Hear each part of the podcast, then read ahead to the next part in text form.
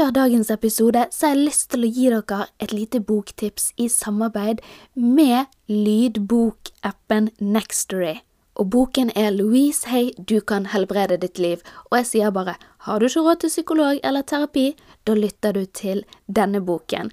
For det Louise gir deg, det er en oppskrift. Det er øvelser der du går i dybden på dine egne traumer, din egen barndom, og så bruker du hennes modell til å rett og slett leve ditt aller beste liv. Og den er så fin!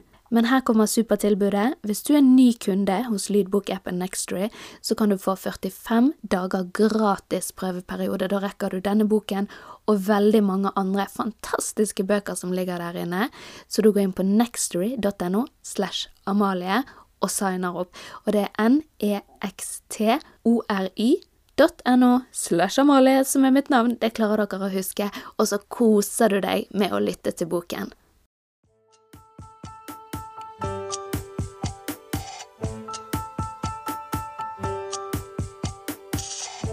Jeg er på the breaking point, Benedicte, akkurat i dag. Er du? Ja, faktisk. Nå skal du høre hvordan de to siste ukene har vært. De har vært veldig fine, altså. Men eh, jeg har altså en sønn som har gått fra å være en gutt som bare går ut døren og går bort til naboen, til å gå inn i en fase der alt er veldig, veldig, veldig skummelt. Oi. Og det Jeg hadde en sånn topp der jeg nesten var på breakdown forrige uke.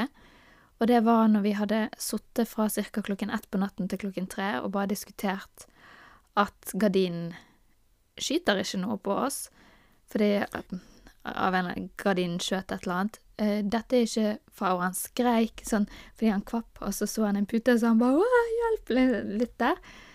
Og til slutt da så gikk vi ned altså i stuen, og så sov vi da i stuen fra klokken tre av, på en sofa som kanskje ikke er optimal å sove på, selvfølgelig. Og så tenkte jeg ok, man må jo bare være den støttende, gode mammaen som man er. Det hjelper. Hvis en person hadde sagt til meg det er ikke vits i å være redd for de forbanna edderkoppene, så forstår jeg logikken i det, men jeg er fremdeles redd. Og det vet jeg jo gjelder han òg. Han er fremdeles redd. Uansett om jeg sier du, dette går bra. Men i dag, oi, oi, oi, det var på et nytt nivå. I dag kom vi til det nivået at han satt i sofaen, og jeg sto på kjøkkenet, og den avstanden, den var for lang. Og han sa, mamma, du må huske at jeg er redd, så jeg må rett og slett bare stå her ved siden av deg. Så han sto, og du vet når noen bare går oppi deg, sånn Mm, feeling. skal på do. ja, for det er jo litt som å ha en liten baby igjen, sant? Mm. Og jeg kan ikke gå på do, og han kan ikke gå på do alene. Altså, det går ikke an å gjøre noen ting alene. Og så står jeg der, da, og maten er klar, og jeg kjenner bare sånn Jeg har gitt ham beskjed x antall ganger om han bare kan stå bitte litt til siden, fordi jeg er redd for at du skal brenne deg. Jeg, så sier han 'Du må huske at jeg er redd, mamma'. Så sier jeg 'Jeg, jeg vet det', men jeg er også redd for at du skal skade deg av at jeg står her og lager mat. Og så åpner jeg munnen for å ta ut mine Invisaligns, som er disse skinnene på tennene som jeg har. Og de lager da en liten sånn klikk-klikk-lyd. Og den ungen kvepper og begynner å grine av den lyden. Og jeg tenkte bare herregud. Oi. Fornuften min har bare lyst til å skrike sånn Kødder du med meg? Hvordan kan du være redd? Nå, hvordan ble du skremt av at jeg tok ut mine fucking skinner på tennene mine? Mens liksom jeg bare vet at jeg må være støttende. Og akkurat når jeg holdt på å bare klikke, så kom heldigvis Anders hjem, da. Og så sa jeg bare til Anders sånn Du, nå er jeg på breaking pointet, så nå trenger jeg at du er en superforelder. For det at jeg sitter meg her borte på dette bordet her, hvor jeg ikke kan se dere, og så kan dere sitte der i sofaen. Så de satt der i sofaen, og jeg satt på det bordet og bare sånn OK. Jeg pusta lite grann.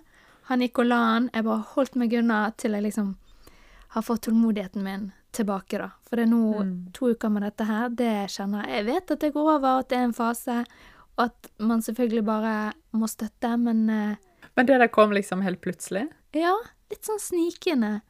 Og jeg har merket at det er en venn av han òg, da, som er litt redd for tiden. Så jeg vet ikke om det er noe som sprer seg, eller om det er Og de er født eh, med bare en måneds mellomrom. Så jeg bare sånn Det må jo være en fase. Det må jo være en sånn aldersgreie, og kanskje det at det blir mørkt, og Ja, og jeg har selvfølgelig bare prøvd å ikke eksponere for noe som er skummelt, sant. Får ikke lov til å se dette og dette. Det er kun koselige ting på TV. Men uh, Ja, men han er jo nærmer jo seg fem, sant? så da er jo han inne i en periode der han begynner å forstå at det fins en verden utenfor, utenfor han og hans familie, og, og at ikke alt kanskje er like greit, og at det er skumle ting der ute. Det er sikkert et sånn utviklingssprang som han skal gjennom. Som, det går jo sikkert over, men jeg skjønner at det er veldig slitsomt når det står på, når det er sånn plutselig så er man redd for små ting som man ikke var redd for før. Så må du bruke masse tid og energi, sant? og så skal du prøve å holde roen og forstå, og liksom Mens du, du sjøl forstår jo ikke helt. det er et veldig godt poeng, fordi jeg snart, hadde bare en samtale med Anders da i dag, og så sa jeg bare å, jeg merker at jeg er litt sånn hormonell for tiden, sa jeg.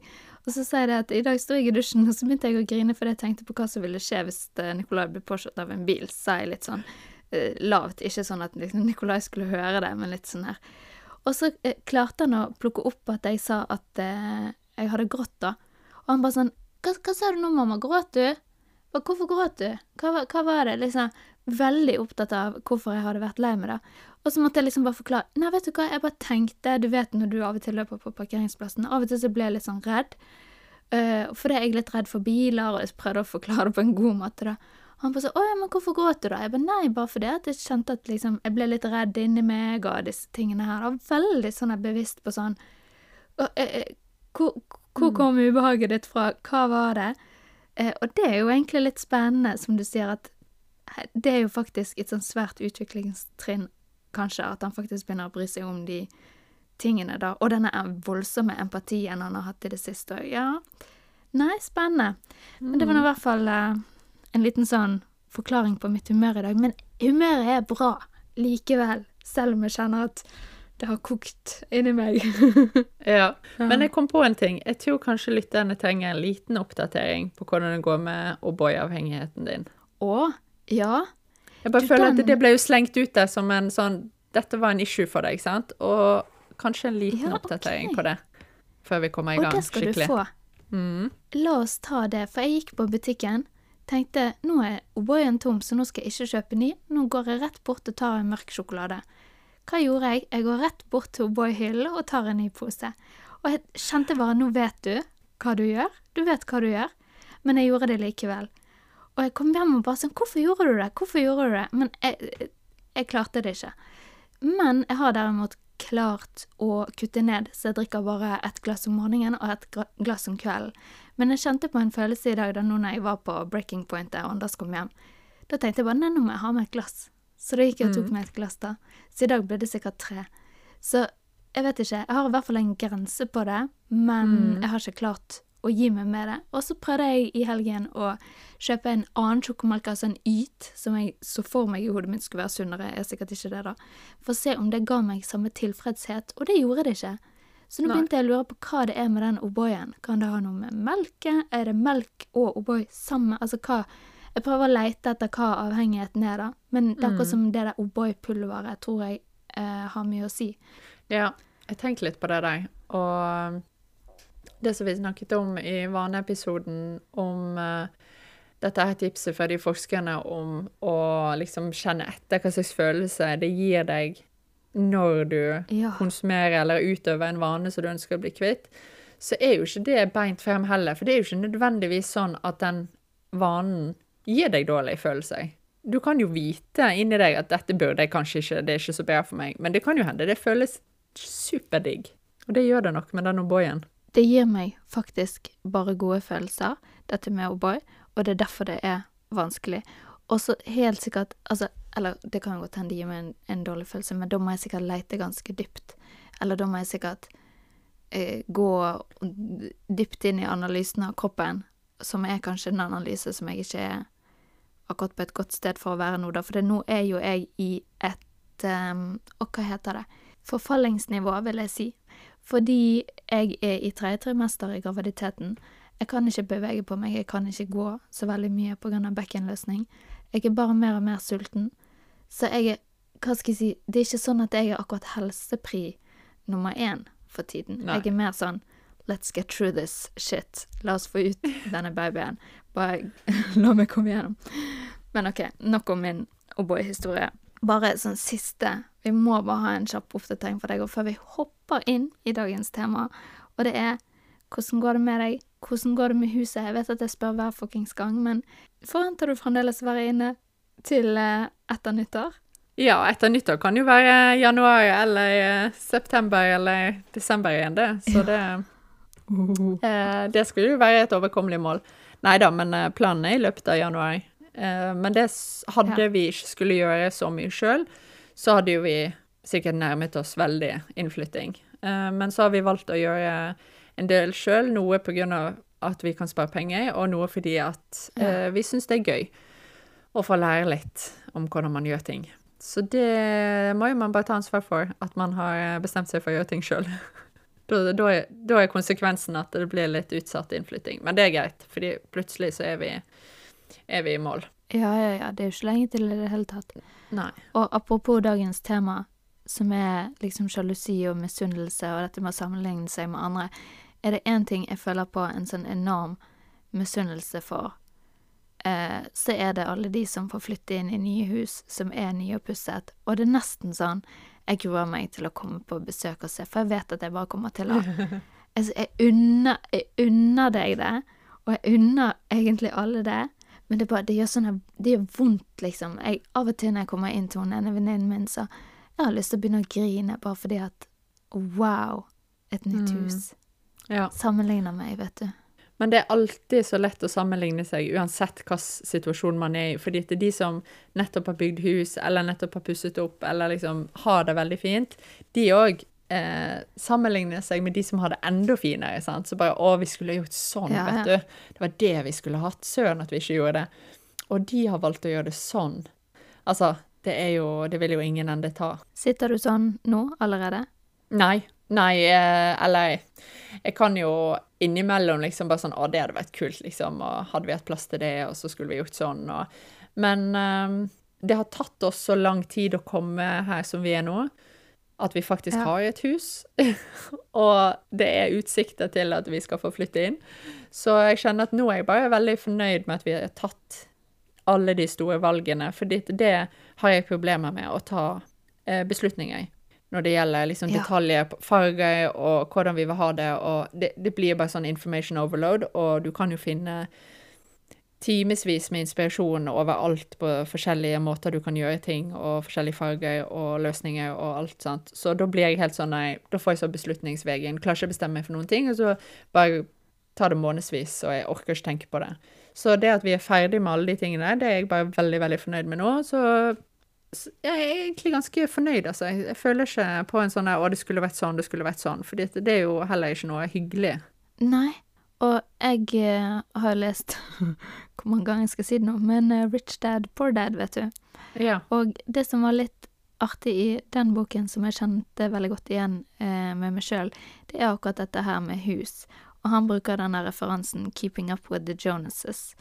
Jeg vil jo heller si 'Keeping Up With The Kardashians', fordi det er så langt jeg forstår. Jeg har ikke sett det der Jonases, jeg vet ikke om det er et program eller hva det er. Men dette her med å sammenligne seg med andre, om at man skal ha en viss type hus, det skal være en viss type standard innenfor et visst år. Altså, når du er blitt type 30 år, da kanskje skal du settle down og gjøre alle disse tingene. Du skal liksom ha ny bil.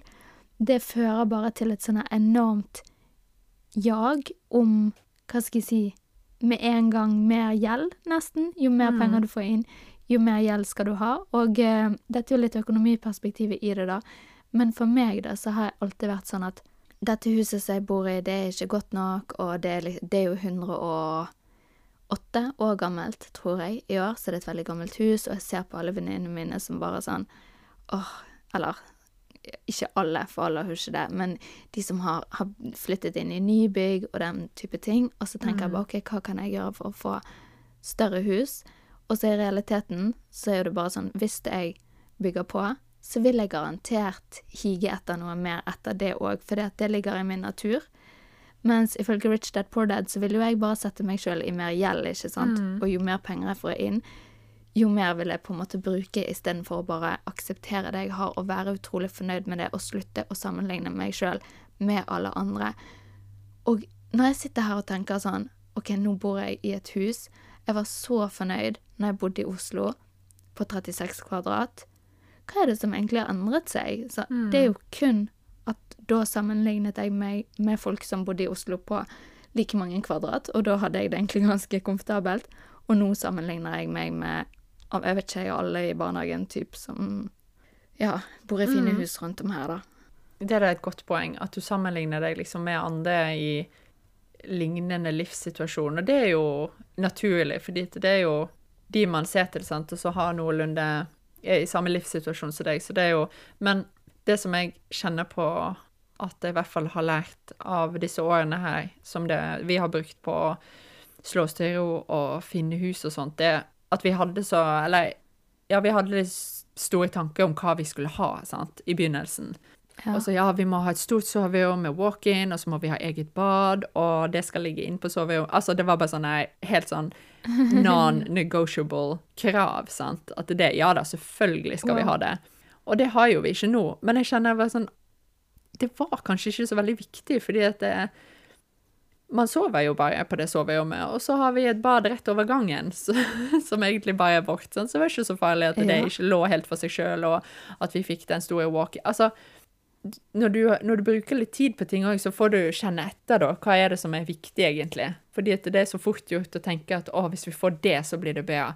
Og bare det er stort nok, og bare det er sånn og sånn, så Vi må ha det sånn, liksom. Og så klarer ikke man å se Mm. eh, andre ting, da. Eller andre måter å løse det på. Og så kanskje når man blir tvunget til det, sant, så Eller at man Ja. får nok tid på seg til å kjenne, virkelig kjenne etter. Så på sånn, OK, det var kanskje ikke så viktig, og blir man lykkeligere av å ha sju-åtte kvadratmeter større soverom? Nei, jeg tror ikke det.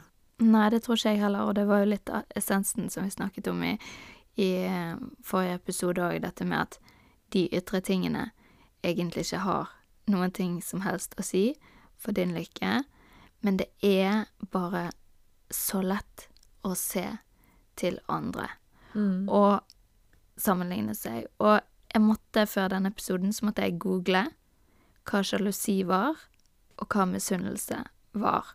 Fordi jeg tror det er lett å blande sammen de to følelsene, og jeg visste ikke helt hva som var forskjell sjøl, men den definisjonen jeg har endt opp med, da, som jeg er litt fornøyd med, eh, som internett har gitt til meg, det er at sjalusi Du er kanskje truet av en tredjepart, for eksempel, og det går på altså relasjonene dine, forhold, gjerne et parforhold, og det er en eller annen form for trussel der, da, som gjør at du blir sjalu, eller hva skal jeg si, hva er det de ja. kaller det for, det grønne monsteret, eller et eller annet Ja. sånt, Mm. kommer fram.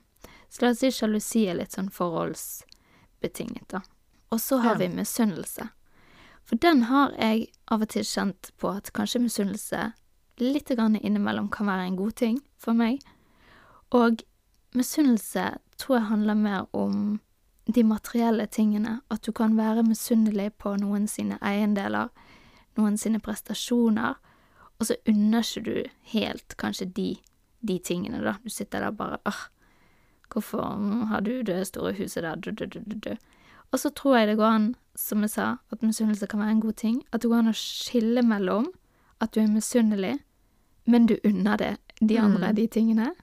Eller at du kan være misunnelig og ikke unne de de tingene. Ja, ja. Og den sunne delen av misunnelse, den tror jeg, i hvert fall hos meg, da kommer av den derre OK, vet du hva, dette er bare et hint til meg sjøl hver gang jeg kjenner på den følelsen så åh, du har det huset, eller du har det, eller du har kommet så og så langt i din selvutviklingsreise. Det handler bare om at jeg har lyst på det du har.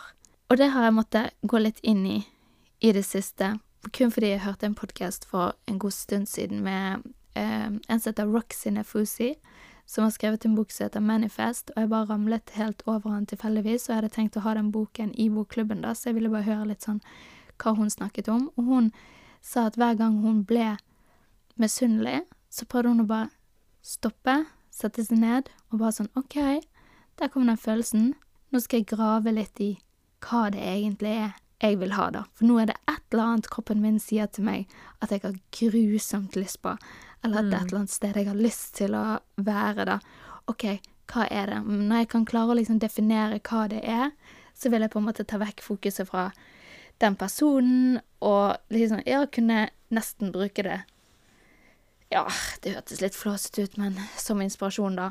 Eh, hvis man klarer det. Men det, det tror jeg kommer helt an på eh, selvfølgelig eh, hva, hva humør jeg er i. Altså, noen dager så kan jeg se på andre, og så kan jeg bli skikkelig inspirert og bare sånn åh, gud for et nydelig hus, eller gud så flink du er til å lese 500 bøker i måneden, sånn, å, det vil jeg òg.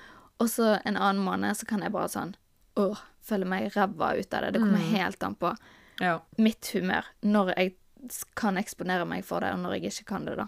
Men ja, i hvert fall. Så det var de to eh, definisjonene, egentlig, hvis man skal mm, ha de på det rene. Så tror jeg kanskje at det vi kommer til å snakke om mest, eller det vi kanskje tenker på, er egentlig misunnelse, da. Mm. Når man sammenligner seg med andre, så handler det om misunnelse. Ja. Ja, for det har jeg òg tenkt på, at sjalusi er litt sånn Da kunne du nesten ønske at det var deg, på en måte. At du ikke unner den andre personen. det. Ja. Men òg sånn forholdsbetinget, som du sier. Det er, det er veldig fort gjort å, å tenke det når man sier ordet sjalusi.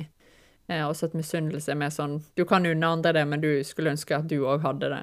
Men så er det i dag eh, veldig lett å bli fanget av eh, misunnelse, da, fordi at vi serveres eh, disse her plettfrie glansbildene hele tiden på sosiale medier eh, av hvordan folk har det, og det er så fort gjort å se et bilde og tenke ut ifra det at åh, de har det perfekte forholdet, og de har unger som aldri klager, og alle spiser middagen sin opp og spiser grønnsaker, og Ja. her er det ingen stress i gården, liksom, og de kan hente i barnehagen halv tre, og det er så fort gjort ut ifra veldig, veldig lite informasjon å danne seg et bilde av hvordan andre har det. Og så vet jo man, liksom, hvis man tenker over, at det er ikke sikkert at dette her stemmer, men når du bare scroller liksom det ene flotte bildet etter det andre, så er det så Ja. lett å bli fanget inn i det der og få et inntrykk av at alle andre har livet sitt på stell og får det til. Og da igjen eh, se ned på sitt eget Det du får til, sant? Ja, vet du hva? Det er noe med dette med å være sammen med folk på ekte.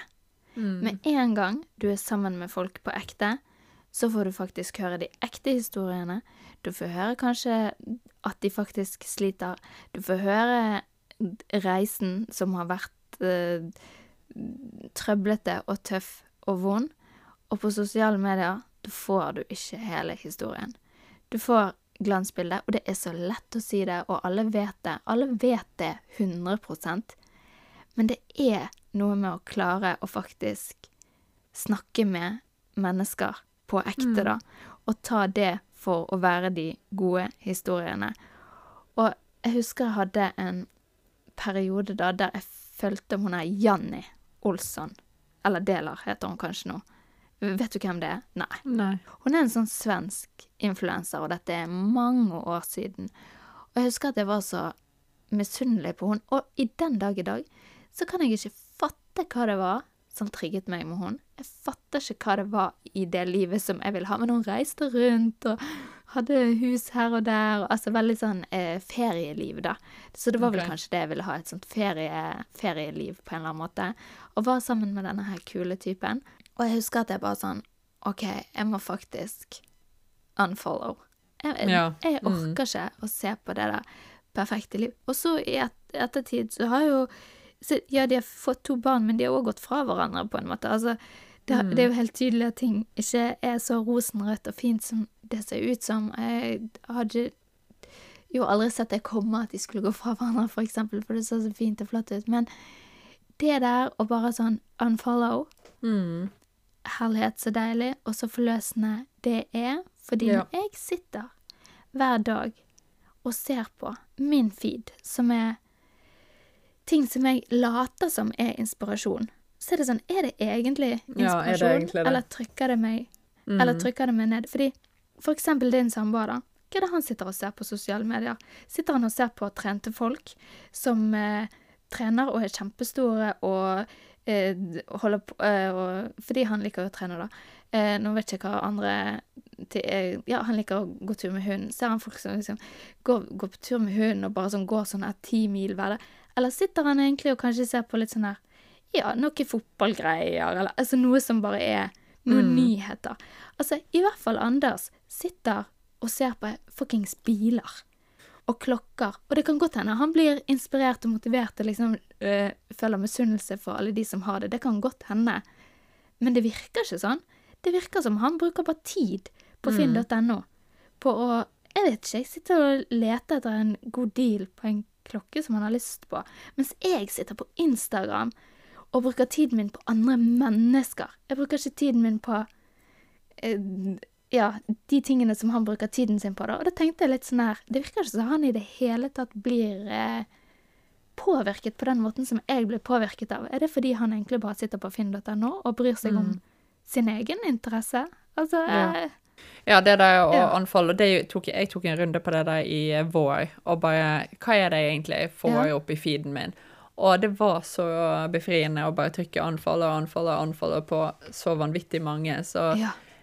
som bare liksom matet meg med sånn dårlig samvittighet, sant. Og selv om ja, jeg vet å, dette Ja. er ikke det hele bildet, og det er sikkert ikke så bra hele tiden, og bla, bla, bla, så, så gjør det noe med den følelsen når det bare Det er det som møter deg, sant ja. jeg ser hvor perfekt alt er. Og det kjente jeg, det gir meg ingenting her nå. Det, det, det tilfører ikke noe bra eh, oppi hodet mitt. Så det er liksom være kritisk til hva man følger, rett og slett. Og det trenger jo ikke være noe At den personen er jo ikke noe sånn dårlig person, eller Nei. har gjort deg personlig noe sånt, men det er bare noe med den Kanskje summen, da, av alt man får inn i løpet av en dag. For det er ganske mye man kan rekke å konsumere i løpet av en dag, og da bør det være noe som gir deg eh, noen gode følelser, da, i hvert fall. Ja, noen gode følelser, fordi at det som òg er greit å huske på, er at vi faktisk alle Vi alle er jo mennesker. Sånn de du sitter og ser på, de du sammenligner deg med, da. De sitter jo på akkurat de samme eksakte drittfølelsene som du sitter på innimellom.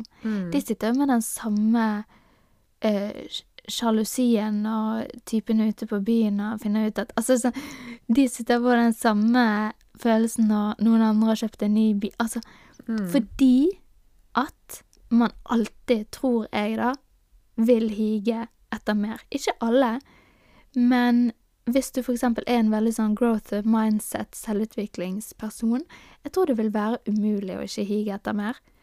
Og jeg tror det vil være faktisk litt positivt å være en person som higer etter mer, for det hadde jo vært veldig trist hvis meg og deg satt her og bare sånn OK, nå, nei, nå er det godt nok. Nå, nå slutter jeg å jobbe. Nå har jeg alt jeg trenger. Altså, det, det Da hadde jo jeg sluttet å utfordre meg sjøl på en måte, da.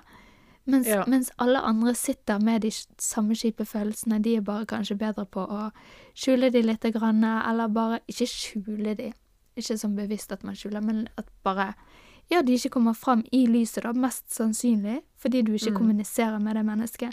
Med en gang du kommuniserer med det mennesket, så vil jo de følelsene der komme fram, da. Og det er det jeg tror hjelper.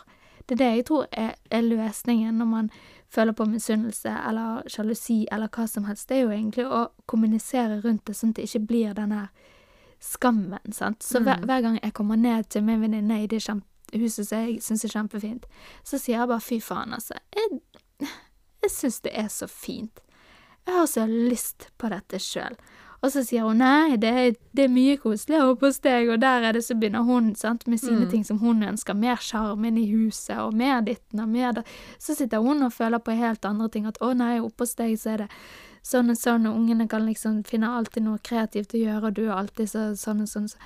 Så jeg liksom sånn OK, da har vi fått snakket litt om det, liksom. Da, da har jeg funnet ut at du òg sitter og kjenner på at kanskje Ja, ja. du skulle hatt det mer sånn, og kanskje jeg skulle hatt det mer sånn. Altså, ja. Ja. Få det, liksom, det opp, da, sånn at jeg ikke sitter og egentlig skammer meg over at eh, jeg er misunnelig for det huset, da. For så, Mm. hvis du får opp skammen, så blir jo den mindre. Men hvis du går og bare lar det vokse inni deg, så blir det større. Ja, det tar jo bare mer og mer plass, da. Og skam er jo en helt ubrukelig Ja. følelse.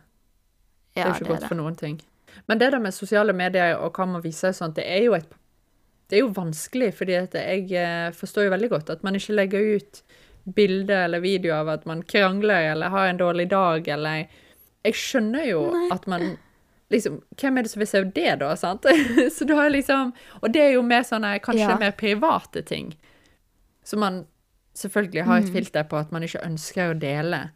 Eh, så det der er jo Det er jo vanskelig. Det er ikke beint frem. Det, jeg, jeg skjønner jo veldig godt. Det er ikke sånn at jeg eh, Altså, jeg velger jo de bildene jeg syns er fine, og de situasjonene som har vært bra, og når ting er, Ja. er good, liksom. Det er ikke på den verste drittdagen jeg eh, har lyst til å legge ut ting. Nei, nei, nei. Og hvis man legger ut ting som er litt shitty, så er man jo egentlig en sånn oppmerksomhetsfrik nesten òg, sant. Så det, det går heller ikke an å, å legge ut, så alt må være en veldig sånn balanse. Ja. Og så føler jeg òg kanskje med alderen så har jeg blitt flinkere til å ikke sammenligne meg med andre, da. Jeg liksom har en større forståelse for at folk organiserer livet sitt ut ifra hva som er best for de, og selv om noe ved første øyekast kan virke veldig bra og, og sånn, så ja, det er bra for de, men dette ville ikke ha funket på oss, selv om åh, det ser så flott ut, og sånn vi ha, skulle vi ha hatt det, og Ja. vi kunne fått det til å funke sånn, så, så er ikke det nødvendigvis sant, fordi at vår familie er helt annerledes, og vi har andre prioriteringer og andre ting vi må bruke tiden vår på, sant. Så det, jeg føler at det, det har kommet seg veldig eh, med årene, det der å ikke sammenligne seg med andre, men det er veldig fort gjort å, eh, bli litt hengt opp i, i ting, da, i, spesielt i sosiale medier, fordi det der bare scroller man litt sånn eh, tankeløst forbi. Sant? Du bruker ikke så mye tankekraft på hvert Ja. bilde du ser. Det med å scrolle eh, bare inn i evigheten, der tror jeg at det første punktet egentlig, det er å liksom Ja, hva er det det heter? Et godt norsk ord for awareness. Dette med å være bevisst på hva er det faktisk som holder på å skje her nå. Og her, vi har jo snakket før om Mel Robbins med denne 54321, uh, The Five Second Rule, med at bare sånn Når du tenker at får en tanke om at ok, dette er ikke bra for meg, bare 5, 4, 3, 2, 1, stopp og scroll. Og den syns jeg egentlig ganske god å forholde seg til. Og så har jeg lyst til å slenge til, ut en um, ting til. Og det er litt sånn hvorfor vi sitter og snakker om dette. For vi fikk jo faktisk en melding på Instagram, og det har vi helt glemt å nevne, der det var en av lytterne som stilte oss noen spørsmål rundt dette her, og sa at dette hadde jo vært fint å diskutere akkurat rundt dette her med sjalusi og misunnelse angående selvutvikling. Fordi at det er så enormt lett da å sitte og bare sånn åh, alle andre er 500 steg foran meg i denne selvutviklingsreisen. Jeg er bare her og klarer ikke å gjøre de rette tingene. Og den kjenner jeg så voldsomt på når jeg hører på flere sånne podkaster om selvutvikling og den type ting, at det virker som de lever sånne perfekt At du på en måte bare får servert løsningene på ting hele tiden, og så sier de veldig sjeldent at dette er en reise som jeg fremdeles er på. Og det syns jeg bare er så viktig å presisere det der med at dette her er hele tiden en reise som er to steg fram og ett tilbake, og at du i det hele tatt bare har begynt på den reisen, er liksom kudos. Og så er det det samme, og det, jeg vet det er ufattelig klisjé, men dette med å sammenligne seg sjøl med andres eh, åh, Hvordan er det der? Sammenligne ditt kapittel 1 med noen andre sitt kapittel 100, eller hva som helst. Men åh, det er så sant. Men så er det bare så lett å gjøre det hele tiden. Og det som eh, denne lytteren vår skrev i innboksen, da, som jeg bare vil si, gjengi, det er at eh, hun mest sannsynlig hadde vært sjalu på seg sjøl hvis hun så på sitt liv nå. Ja. Og jeg kjente bare sånn Ja, samme her. Hvis jeg hadde sittet for ti år siden og sett på mitt liv nå, sett på det jeg har, sett på hvor jeg bor, sett på hvor jeg er mentalt Jeg hadde vært eh, misunnelig på meg sjøl òg, altså. Jeg hadde tenkt wow, se på hun der, liksom. Men så alltid så likevel så sitter jeg her nå og ikke på en måte praktiserer så veldig mye sånn takknemlighet for hvor jeg er nå, men jeg higer litt etter mer, da. Men jeg er faktisk kommet til et punkt der jeg føler at det er eh, litt grann sunt. Og at det faktisk gir meg noe, da, fordi at jeg klarer å luke ut de dagene der jeg skal være grei med meg sjøl, og ikke slå meg sjøl for, for de tingene. Og bare klare å koble det ut. Bare så OK, i dag er en sånn dag. Og de dagene der jeg er sånn OK, i dag er det inspirasjon for meg å kikke på andre og se hvor langt alle andre er kommet, da. Ja, det er fort gjort å glemme det man har bak seg. Sant? Du bare ser fremover på det du Ja. ikke har, og det du vil ha, og hvor lang tid tar det å få det, og den personen sånn og sånn. Men så, så ser man ikke bakover på det, den reisen man har hatt, da, og hvor man startet ifra. Ja. Og det kan jo gjelde Ja. alt mulig, sant. Men uh, det kan jo være en, uh, en fin ting å gjøre iblant. Liksom, OK, hvor var jeg for to år siden? Hvor var jeg for fem og ti år siden? For alle har jo en, en eller annen form for utvikling, uh, stort sett. Og det å liksom gi seg sjøl litt kred for dit man har kommet, da, det tror jeg er viktig. Ja, der sier du det. Gi seg selv cred for hvor man er kommet, men òg vite hvor er man faktisk kommet. For én ting kan jeg bare si. Hvis du ikke måler, hvis du ikke skriver ned, hvis du ikke har en eller annen form for hva skal jeg si, analyse av hvor langt du er kommet eh, nå versus hvor du var, så kan du ikke se om du har kommet noe lenger. Så kan ikke du heie på deg sjøl og si wow, cred til deg. Så det som jeg begynte på i Når var det? November? I september, når jeg gjorde The Power i bokklubben, det var at jeg begynte å rate livet mitt. Så jeg ratet livet mitt på skal vi se, 1, 2, 3, 4, 5, seks punkter, da. Så satte jeg ned sånn OK, akkurat nå helse en femmer. Eh, økonomi en eh, sekser. Eh, og så videre. Altså fra én til ti. Og jeg gjorde det ganske sånn kontinuerlig akkurat da i den perioden, men nå er det kanskje gått en måned siden jeg ratet sist, da. Så i dag satte jeg meg ned og ratet livet mitt på nytt. Og den boosten jeg fikk av å se at for eksempel, ja, lykke var gått opp, hus og hjem, for jeg laget min egen kategori på hus og hjem da, fordi der hadde jeg lyst til å booste, den var òg gått opp fra en sekser til en syver. Og da satt jeg der og så bare, jøss, det har faktisk skjedd noe på bare en måned som jeg aldri hadde sett dersom jeg bare hadde rast videre med dagen min og ikke stått meg ned og målt og analysert. Så det der å Hva skal jeg si Hvis du er en som liker å faktisk skrive litt og bare notere bitte litt Det å skrive en tanke fra en dag eller fra en måned eller hvor du er, sånn at du faktisk Når det har gått et år, da, så har du noe å se tilbake på. Utrolig verdifullt, for det er da Først da kan du se hvor langt du er kommet. Først da kan du se hva du har nå, hva du har fått. eh, Materialistiske ting eller eh, indre ting. Altså begge deler er lov å fokusere på. Det anbefaler jeg. Ja, absolutt. Og det er jo uh, dette med takknemlighet, sant. Det er jo Ja. uh, Jeg kom over en eller annen artikkel eh, i går, tror jeg, men nå klarer ikke jeg å huske hvor det var henne, um, som tok for seg dette med takknemlighet. Og de som på en måte har det som en fast uh, greie, da, så de gjør at enten skriver ned eller liksom går gjennom i hodet sitt hva man er takknemlig for, og har det som vane og liksom kjenne etter hva man har, og at man er glad for det, de blir òg mer tilfreds uh, med det de har, og Ja. higer mindre og sammenligne seg mindre med andre, da. Ja, det er det vi kommer tilbake til. Det er de enk, helt, helt enkle basic prinsippene med å rett og slett fokusere på seg sjøl. Være takknemlig for det man har, og fokusere på de ekte tingene, altså ekte relasjoner, ekte mennesker, ekte samtaler, og klare å, hva skal jeg si, distansere seg litt fra det som egentlig er støy, da. Det som er utenfor deg sjøl, det som er på sosiale medier. For det er jo egentlig det det er. Det er litt grann støy. Og eh, noe av det kan du blokke ut. Og det, ja, det er det vi kommer tilbake til. We're all in this together, we're all the same, and we all have the same fucking feelings. sånn cirka. Ja, det var godt oppsummert. Jeg eh, sier som de gjør i vitenskapen, vi har nådd et metningspunkt. Nå har vi nådd et uh, metningspunkt med den sangen der. Nå var det nok. Any last words, uh, Benedikte? Eh, Løp inn på Instagram og følg oss, og del det gjerne med en venn. Da blir vi glad. Ja, det blir hyggelig. Og god eh, forjulsforberedelser, vil jeg bare si. Føler på The Christmas spirit Spirit her måtte du si det? Å ja, stemmer, du angster jo over sånt, ja. Å herregud, jeg har jo pyntet treet, og jeg har pyntet treet, og, og jeg har bånd. Jeg har to pakker lys inni det treet, ekstra i tillegg til de lysene som er på. Og jeg har så masse pynt, så jeg rapper treet mitt med sånn rødt og gullbånd.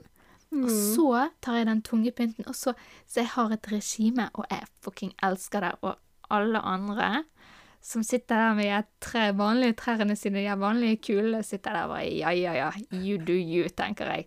jeg her skal det bli jul hos meg. Ja, ja, men det blir Ja. Ja. Snakkes på Instagram og neste uke, neste onsdag. See you then. Ciao. Ha det.